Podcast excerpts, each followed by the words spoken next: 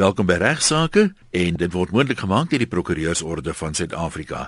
Kom ons sê sommer in die begin voor ek vergeet, as jy uh, so stadig gaan begin kyk na Kersgeskenke, Ignas Kleinsmid se boek Wat sê die prokureur met die subtitel Regsake wat jou raak, uitgegee deur Naledi saam met RSG is nou in sy derde druk. Maar behoort voorraad by jou boekwinkel te wees.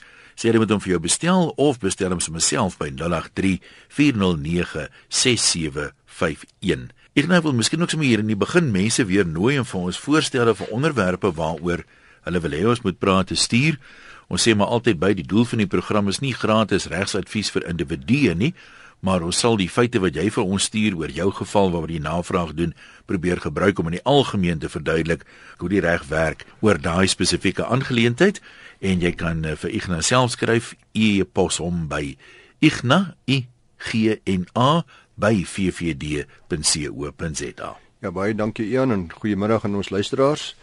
Vir my voorreg en lekker weer met u te gesels en ek hoop uh, u gaan dit interessant vind. Almal van ons weet wie Verimark is. Ja, Verimark is 'n markleier op die gebied van die direkte reaksie televisiebemarking waarin dan demonstratiewe televisieadvertensies gebruik word vir jou sommer dadelik te wys hoe oulik hierdie produk dan nou is en wat hoe wat se wonderwerke hy kan verrig en hoe en, en wat hy kan doen. Altyd met 'n voor en na foto. Korrek ja en uh, as 'n lekker hofsaak wat ek nou wil verwys is 'n appelhofsaak van Verimark versus Bayerich Motor en Werken BMW. Ah, Bayerich Motor en Werken 18 geselskap. Twee van hulle produkte van Verimark is Diamond Guard motorsorgpakket, 'n uh, Diamond Guard motorpolitoer. Verimark gebruik dan voertuie van verskillende modelle en make, maar gebruik veral BMW motors waarin Verimark dan nou die wonders van sy produk demonstreer. Een spesifieke advertensie word 'n BMW motor eers behandel met Diamond Guard en dan word vloeistof op die kap van die motor aan die brand gesteek sonder dat enige skade aan die motor se verwerk veroorsaak word. In 'n ander geval word 'n ouer en goedkoper motor dan weer behandel so 'n bietjie van 'n wrak met Diamond Guard waarna die motorram verander in 'n blink splinter nuwe BMW ja. met 'n pragtig lyk. Nou die klagte van BMW waar dit hierdie saak voorgespruit het is dat sy merk op die BMW motor duidelik sigbaar is. En hulle beweer nou dat Verimark hulle handelsmerkregistrasie skend. Dieselfde klagte is gerig op die gebruik van 'n foto van die eerste kommersiële advertensie as agtergrond op sy verpakkingsmateriaal as ook op die internet advertensie waar dieselfde BMW dan weer nou redelik duidelik is.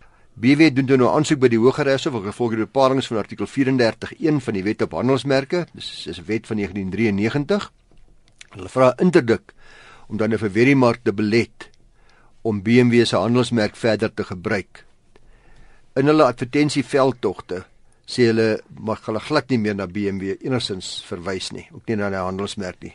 Hulle slaag toe daarin om interdik te bekom, spesifiek ook op die verweriemark se polotoerprodukte maar die hof weier aan die tweede aansoek met betrekking tot die motormerk, jy meen die motor se BMW tekentjie. Ja, die logo wat ja, noem mense kenteken. Ja. Nou beide die beslissings word nou op appel geneem na die appelhof toe. BMW maak die staat op die bepalinge van artikel 34 dat hulle klas 3 handelmerk vir polotoer geskend is.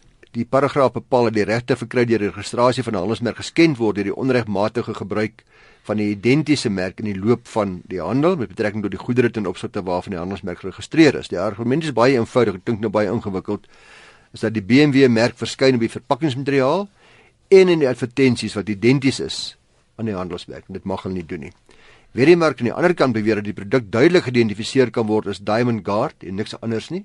Dat hulle met ander woorde nie BMW adverteer nie, hulle adverteer Diamond Guard. Dis wat hulle doen asook dat die BMW merk die motor waarop die bedruk word identifiseer, nie die polotoer nie. Aan die ander wyse hulle sê nee. Die feit dat BMW daar merk daarop is, bet niks met die polotoer uit te baie nie. Dis net die motor wat geïdentifiseer word. Net so vraagie daaroor, wat dink jy sê die voordeligste gewees het vir Verry maak as hulle nou een of ander kom ons sê DKW handelsnaam gehad het wat nie regtig meer bestaan nie teenoor 'n luukse motor wat baie mense begeer. Baie interessante vraag. Dis nie geargumenteer sover ek weet in hierdie of nie. Hoekom nou spesifiek BMW en hoekom nie 'n uh, ander minderwaardiger Ja, goedkoop nie. goedkoop ja. karretjie nie. Maar die appel op bevind dat wanneer mense 'n merk gebruik, die gemerk sodanig moet wees sodat dit 'n indruk skep dat daar 'n skakel is. En dis die dis die verweer hier van Ferry Mark. Dat daar 'n skakel is tussen die handeling van die derde party se goedere, die die die die handel dryf daarin en die oorsprong waarvan daardie goedere ontstaan. In die geval van 'n inbreukmaking sal dit dan so moet wees. Dit sal dan slegs inbreukmaking wees as daar 'n werklike skakel is tussen dit waarmee ek nou handel dryf en dit wat waar hierdie goed vandaan kom. Wat nodig is sê die hof is 'n interpretasie van die merk deur die oë van die verbruiker. Ek en jy wat in die advertensie kyk. Kyk ons daarna dat hierdie nou eintlik BMW's wat hier geadverteer word, dat dit hulle politoer is, dat daar verband bestaan tussen die produk, die politoer en BMW, die eienaar van die merk of nie. Nou die motor word gebruik om Diamond Guard se eienskap te demonstreer, is baie duidelik sê die hof. En nie regtig om die gebruik van die handelsmerk BMW te illustreer nie. Die kyker sê die hof sal nie dink dat daar 'n wesenlike verband tussen BMW en Diamond Guard bestaan of dat die merk op die motor as waarborg dien vir die oorsprong van die politoer wat dan nou gebruik word nie vir die Diamond Guard nie. Gevolglik sê die appel vir die Hooggeregs Hof foutiewelik die indruk toegestaan ten opsigte van die politoer produk. Wat die tweede eis van BMW is wat gebaseer is op die bepalinge van artikel 34.1c wat bepaal dat die onregmatigde of ongemagtigde gebruik van 'n handelsmerk wat identies is aan uh, my merk dat dit 'n onregverdige voordeel vir jou gee deurdat my merk baie bekend is uh, en dat jy nou daai uitgevoerde word soos jy nou sê hoe kom nou Ja ek het tog 'n gevoel die gemiddelde verbruiker gaan sê as hierdie politoer gebruik word op luukse motors dan ja, gaan dit ja selfs daar dan kan dit sekerlik nie my karretjie skade aandoen. Ja, en BMW sê dis nadele vir ons. Dis ek nadele vir die karakter of die reputasie van my handelsmerk. Ja. Omdat ek omdat julle my handelsmerk hier gebruik om julle polotoer te illustreer en te en te adverteer. En dit sê die BMW se sal neerkom op onregmatige inbreukmaking. Sê die hof hieroor die BMW merk is bekend en dit gee aanleiding tot die vraag of Verimark se gebruik daarvan onregverdige voordeel vir hulle gegee het as gevolg van die besondere kenmerkende karakter en die reputasie van BMW. Die appelhof bevind hier dat die hoër hof korrek was in sy bevinding eh, dat Verimark wel voordeel gekry het vir vloeiende uit die reputasie van die BMW merk, maar dit word nie gedoen op 'n onregverdige manier nie, sê die hof. Verimark lê klem op die doeltreffendheid van sy eie produk. Uh wat verkoop word onder gevestigde handelsmerke en kan nie verwag word om die motorpolitoer te adverteer sonder die gebruik van 'n motorvoertuig nie. En daarom sê die hof, weet wat, gebruik maar watter voertuig jy wil of dit nou BMW is of soos jy sê die DKW, dis nie regtig onregverdig nie. Dat jy 'n voertuig kan gebruik en jy lê regtig klem net op die politoer in jou eie handelsmerk Verimark. En daarom sê die hof dat BMW verloor sy appel. Ek weet nie wat net oorversigtigheid is nie. Kyk, Amerika is natuurlik heeltemal 'n ander plek. Maar ek het al sulke tipe advertensies gesien waar hulle die die kenteken so half uitblur, jy weet, amper soos by gesigte as jy nie veronderstel is op 'n televisieprogram as 'n slagoffer nou anoniem wil praat. Ja, ja. Jy weet dan blur hulle sy gesig so half. Jy kan byvoorbeeld sien is 'n man, maar jy sal hom nie herken nie. So ek weet nie seker maar veiligheidshalwe wat hulle dit soms doen, maar um, ek verstaan nou die die die die uitspraak en die feit dat hulle sê jy moet 'n motor gebruik. Maar hoe moeilik kan dit nou wees om die kenteken op 'n manier te bedek of net nie te wys nie of jy weet Ek ja, is seker dat as die wet gesê het jy mag dit nie doen nie, sou dit baie maklik gewees het om 'n manier te vind om dit steeds af te neem sonder dat jy dit kan sien. Ja, want die appel of gee so toe, daar is 'n voordeel. Ja. Maar sê is nie onregverdig voordeel of anders gesê stel BW julle word nie regtig benadeel nie. Terwyl ons oor voertuie praat, ek het 'n kort briefie gekry van Gert Pitter Hy sê sy voertuig het skade gelei as gevolg van slaggate in die pad en hy sê ek luister gereeld. Ek sê hom baie dankie en hy sê verneem graag van jou indien jou voertuig beskadig is deur slaggate en paai wat nie behoorlik in stand gehou word nie, sou mense eis teen die staat of wie ook al hê, sou mense suksesvol wees. Baie dankie ensovoorts. Nou Gert, ek gaan net baie kortliks antwoord. Die antwoord is ja, in enige geval waar jy kan bewys dat jou skade veroorsaak is deur die nalatigheid van 'n ander, dan is jy geregtig om daardie skade te verhaal. In hierdie geval sou dit nalatigheid daarin geleef wees dat die munisipaliteit of die owerheid van uh, op wie uh, die verantwoordelikheid rus om daardie besondere pad in stand te hou, dat hulle plig het om dit in stand te hou op 'n wyse wat nie aan jou skade veroorsaak nie en as hulle versuim om dit te doen, op 'n wyse wat redelikerwys verwag kon word om te doen en jy ly as gevolg daarvan skade, dan sal jy wel eis. Daar's talle sulke eise op die oomblik in Suid-Afrika. Daar's talle suksesvolle gevalle waar eienaars van voertuie suksesvol skade verhaal het van uh, munisipale owerhede en van provinsiale owerhede ook. Maar telkens gaan elke situasie op sy eie meriete beoordeel word dit hang af hoe lank daai slag gehad al daar was dit hang af uh, natuurlik ook van die eie bydraende nalatigheid ek wou nou net gevra het want ek meen jy sal altyd sien op so 'n pad een ou ry oorversigtig trap rem probeer om die slag gehad ry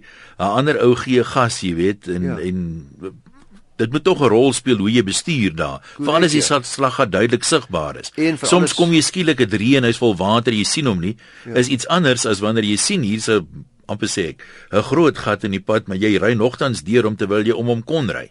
Korrek, die norm sal altyd wees wat die redelike man in dieselfde omstandighede sou gedoen het en kom ons aanvaar nou die volgende gebeur deesdae in Suid-Afrika. Daar is borde langs die pad wat vir jou sê die volgende 10 km 20 km slaggate. Wees versigtig. Met 'n uitroepteken. Dan kan ek vir u sê die kans dat jy suksesvol gaan wees of dat die oorgrootte persentasie nalatigheid aan die eie kant kan wees. Die bedraande nalatigheid is baie goed. Aan die ander kant is dit ook so dat nou as 'n slaggat in 'n pad ontstaan en jy kan bewys die die die die stadsraad was bewus daarvan gemaak of moes redelikerwys bewus daarvan gewees het, dan sal jy geslaag met die eis want die stadstaat het nie binne 'n redelike tyd daaraan voldoen nie. Die redelike tyd is ook belangrik. Jy kan nie verwag as dit nou vannag 'n groot storm was en 'n pad 'n gat in die pad geval dat dieselfde ja. nag moet die moet die pad herstel word nie. Die hof gaan elke keer bepaal wat 'n redelike pad is. Die soortgelyke gevalle wat baie gereeld voorkom wat baie uh, gelykluidende regsbeginsels het, is die kwessie van beseringsverdekkende winkel opdoen. Sê maar die olie het van die rak af geval. Nou lê die olie op die vloer en ek kom met my hoekskoene en ek gly daarin en ek breek my enkel of my heup en ek kry word ernstig beseer. Die vraag gaan telkens wees, wat is daar gedoen deur die supermark om stappe en prosesse in plek te stel om binne redelike tyd daardie gevaar te vermy, om stappe te neem voorkomende stappe. En as ek nou as hier val die bottel en 'n minuut later het ek daar geval terwyl die die superintendent of die opsigter op pad was om te kom regmaak alreeds en nog nie so vinnig daar kon uitkom nie, dan gaan ek nie slaag nie, want daar was geen nalatigheid nie. Die supermark het nie anders opgetree soos wat ja, mense ja. kon verwag van 'n redelike supermark nie. Aan die ander kant, as daai olie daar gelê het vir 15 minute en daar's nie iemand aangestel om spesifiek te kyk dat daar dat die vloere skoon en behoorlik netjies is dat daar die gevaar is vir hente nie, dan gaan u slaag met die ys. Uh en dan gaan daar ook die volgende gaan ook daar gevra word. Hoekom het daar 1000 mense daar verbygeloop wat nie geval het nie? Net u geval. Het jy nie gekyk nie of wat is die posisie so iberdraanderlatigheid met trappies en al die dinge gaan telkens ook 'n rol speel. Net terughou by die slaggate, dit sluit nou enige skade in. Dit hoef nou nie met baie mense dink altyd aan groot ongelukke, jy weet, skade aan jou veerstelsel, maar die algemene ding is 'n band wat vervang moet word. Dis gewoonlik die algemene ding is gewoon 'n band wat vervang word of skokbrekers wat uh, daarmee heen is, die soort van ding. Daar kan ook gevolgskade in sekere omstandighede geëis word. Aan die ander woorde ek het, ek het dit ek was dringend op pad om 'n uh, uh, een of ander transaksie te beklink en ek het dit nou nie gedoen nie. Die vraag is is dit voorsienbaar al dan nie? Meeste gevalle is uh, dit nie voorsienbaar nie, maar kom ons sê byvoorbeeld ek staan nou in die nag langs die pad en nou word ek nog beroof ook. Iemand vat my klere of my beursie wat ek nogal. Die tipe van gevolgskade wat moontlik voorsienbaar kan wees as iemand langs die pad moet gaan staan as gevolg van van 'n gebreekte wiel. Luisteraars, ek het 'n uh, maand of 3 gelede hofsaak gehanteer wat ek op ander slaggate gewys het en dis die slaggate wat daar mag wees wanneer jy met 'n lewende trust kontrakteer. Nou heelwat bates in Suid-Afrika behoort vandag aan familietrust, as ook aan besigheidstrust en sal die meeste van u wat luister en wat redelik ekonomies aktief is, waarskynlik een of ander tyd met 'n trust moet kontrakteer. Nou na aanleiding van die vorige geram het ek 'n hele paar skrywes ontvang, uh, maar meneer Endhoven skryf dat hy onlangs beeste aangekoop het van 'n nabygeleë buurman dit later gebleik dat die beeste die eiendom is van 'n familietrust. Okay, sê is in 'n regstryd gewikkel met hierdie familietrust aangesien hy nog nie al die beeste ontvang het nie en die trust nie langer bereid is om hierdie transaksie deur te voer en te vervul nie. Die belangrikste verweers van hierdie trust sê is dat net die plaasboer self namens die trust onderhandel het en geteken het terwyl daar twee ander trustees, onder andere die oudste seun wat in die stad woon, is en hulle beweer albei dat hulle geensins bewus was van hierdie transaksie nie en dit nie sal bekragtig nie. Nou ek wys luisteraars baie gereeld daarop dat uh, ek nie navraag kan beantwoord wat daar reeds hofsaak aan die gang is of waar u van 'n prokureur gebruik maak nie. Maar ek gaan wel net vinnig 'n paar aspekte opper wat van toepassing is op meneer Enthoven se saak, maar meer in die algemeen belangrik is vir almal wat luister om maar net weer aan die oor te knoop. Uh eerstens moet jy daarop let dat 'n trust het nie regspersoonlikheid nie en word verteenwoordig deur sy trustees. Dis 'n eie soortige soort van 'n regsfiguur wat beheer word deur die trust akte. So alles wat hierdie trustees mag doen of nie mag doen nie, word in die trust akte uitgespel en daarom is dit raadsaam en wenslik om wanneer u met 'n trust handel dryf, besigheid doen, altyd te vra vir 'n afskrif van die trust akte om jouself te vergewis dat die trustees binne hulle magte handel en mag handel.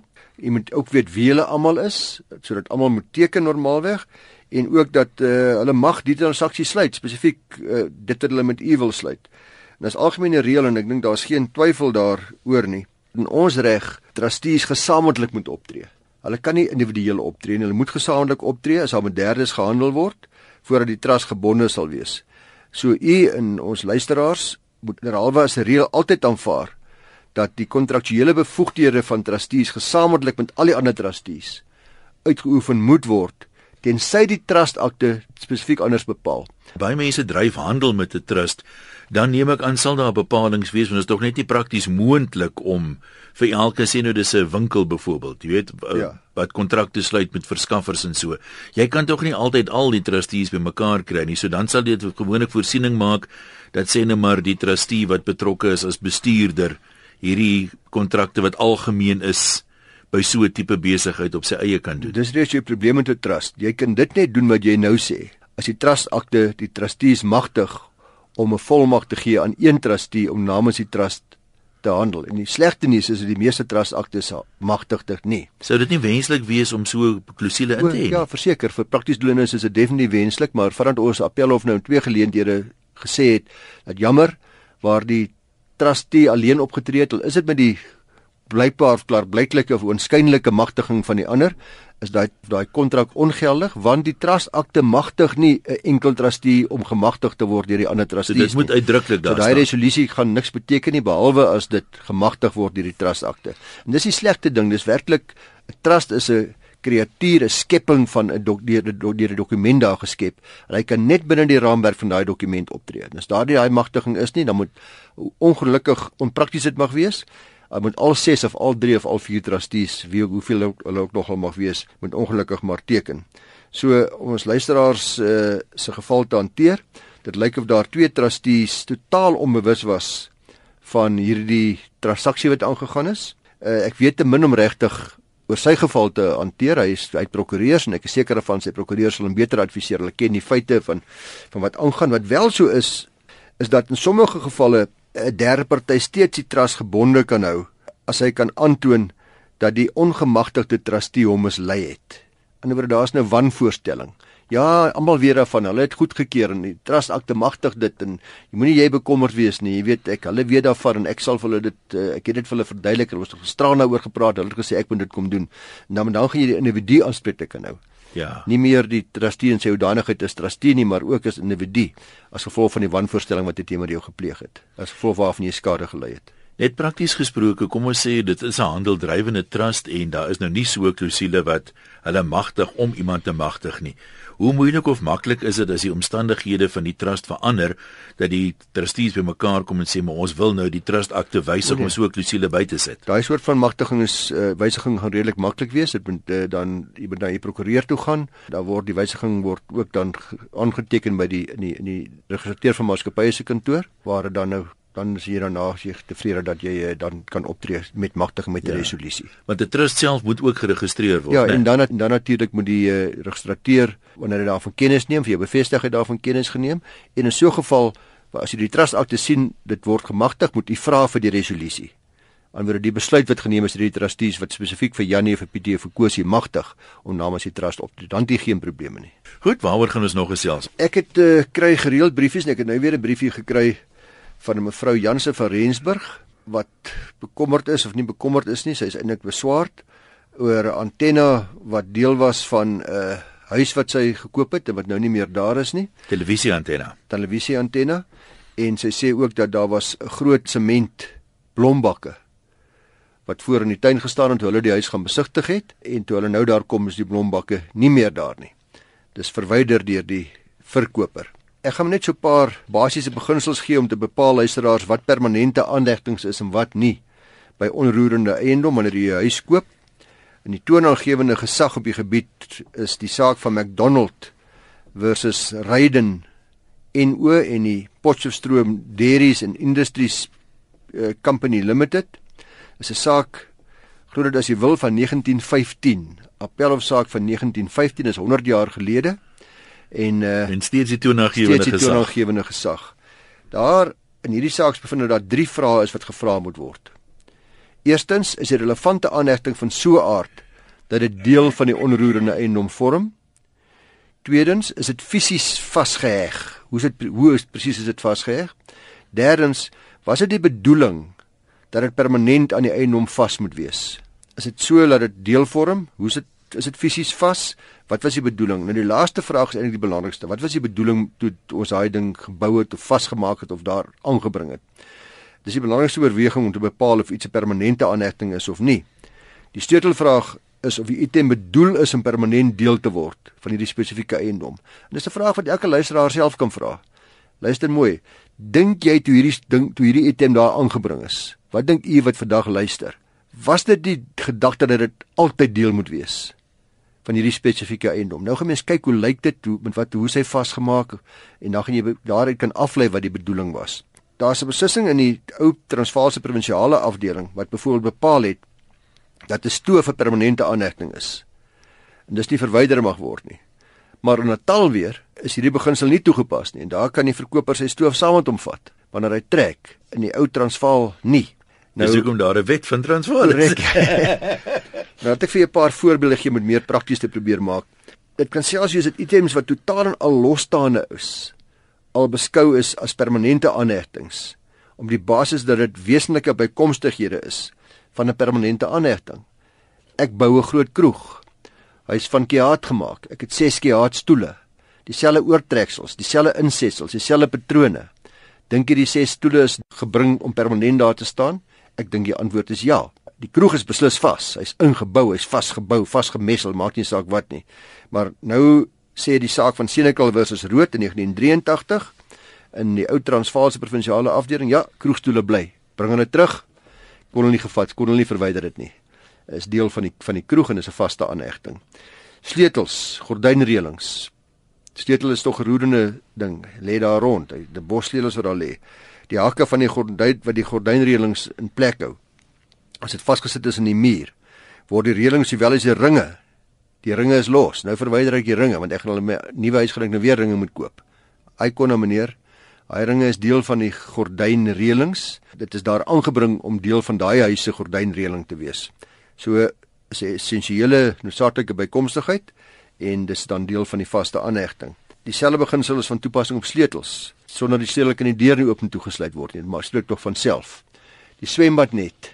Kyk daarna. Enige net wat spesifiek ontwerp is om oor my swembad te pas.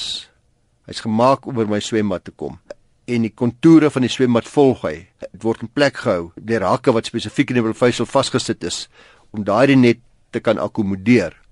Duidelik permanente aanhegting. Volvloermatte. Dieselfde is van toepassing deur matte wat spesifiek gesny is om die vloerplan van 'n vertrek te pas. Dis gesny vir die spesifieke vertrek. Daai hoekie is uitgesny daar. Hy daar waar die kaggel staan is hy ja, is hy ingebring en uitgebring weer of daar waar die wat ek nogal staan die meubels wat spesifiek ingebou die ingeboude kasse wat ook nogal. Dis duidelike permanente aanhegting. Losmatte wat nie so ontwerp is nie is natuurlik nie permanente aanhegtings nie.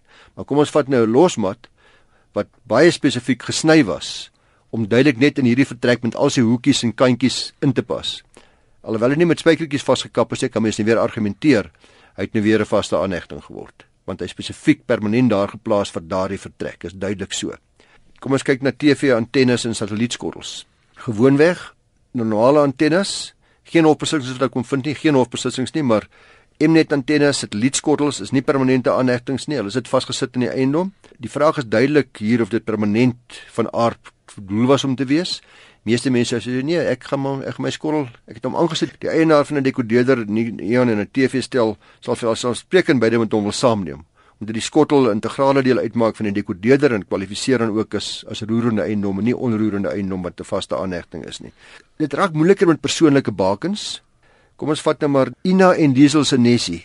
Groot bord, pragtig aangebring in hout en goud versier of Ian en sy meisie se nesie. Ja. Net so mooi. Ons maar, nesie. Dis persoonlike besonderhede van die eienaars. As jy net moet noem, dan kan dit by enige plek ja, tuis hoor. Ja. Jy, jy kry mos hierdie snaakste, ek het die snaakste borde gesien in elk geval dis 'n wat vir 'n ander dag. uh nou, dis van van spreuke net van toepassing op die eienaars. Nee, daar's tog mense wat beklei daaroor. Sê nee, wag, ek wil hom hê daai ding. Ek gaan hom weer verander van na na Ignan Mala toe, wat ek nogal. Wat die potplante betref, uh wat hierdie luisteraar ook oor gevra het, ek dink potplante sal normaalweg nie vaste aanhegtings wees nie. Dis verwyderbaar, dit staan los op die gras. Dis 'n ander ding as daai potplante potplante in 'n sementbasis met 'n ingemessel is en uitgebreek moet word. Ek het ons sulke goed gesien. Hulle is in soos asbesbakke, maar op 'n patio vorm hulle amper die grens. Daar's 'n reëling, maar dan staan die potplante so. Hulle vorm as dit ware die jy weet dat iemand nie daar kan deurval nie. Goed, ek en jy sal nou gaan kyk daarna as ons die landros is of of die of die moontlike koper is en my advies is sodra mens iets sien wat waardevol is en wat jy onseker van is, is dit 'n vaste aannegging al dan nie, dan maak jy seker dat jy en die verkoper daaroor praat en dat dit behoorlik gestipuleer word in die kontrak. Iets wat baie uh, probleme skep is natuurlik plante wat geplant is, iets soos uh, baie duur broodbome byvoorbeeld en gereeld soos klokslag, dan verwyder die verkoper die broodbome en as jy dalk jy vertel vir almal van die broodbome wat jy ook wat jy het in jou nuwe huis, dan as jy intrek die broodbome nie meer daar nie. Broodbome, eh, plante, bome, daai dinge is vaste aanhegtings en as jy hulle wil saam met jou wil neem, dan moet jy dit spesifiseer as deel as dinge wat jy wil seker maak mense gaan seker maak hulle weet jy vat dit saam. As jy 'n swembadpomp wil saamneem, as jy boorgat toerusting wil saamneem, is alles dinge wat duidelik gespesifiseer moet word sodat daar geen misverstande is en lang uitgerekte geveg. Die praktiese raad is maar as jy twyfel vra, klaar dit uit, maak seker kommunikeer daaroor. Absoluut so. Dis dan vandag se regsaake moontlik gemaak deur die Prokureursorde van Suid-Afrika.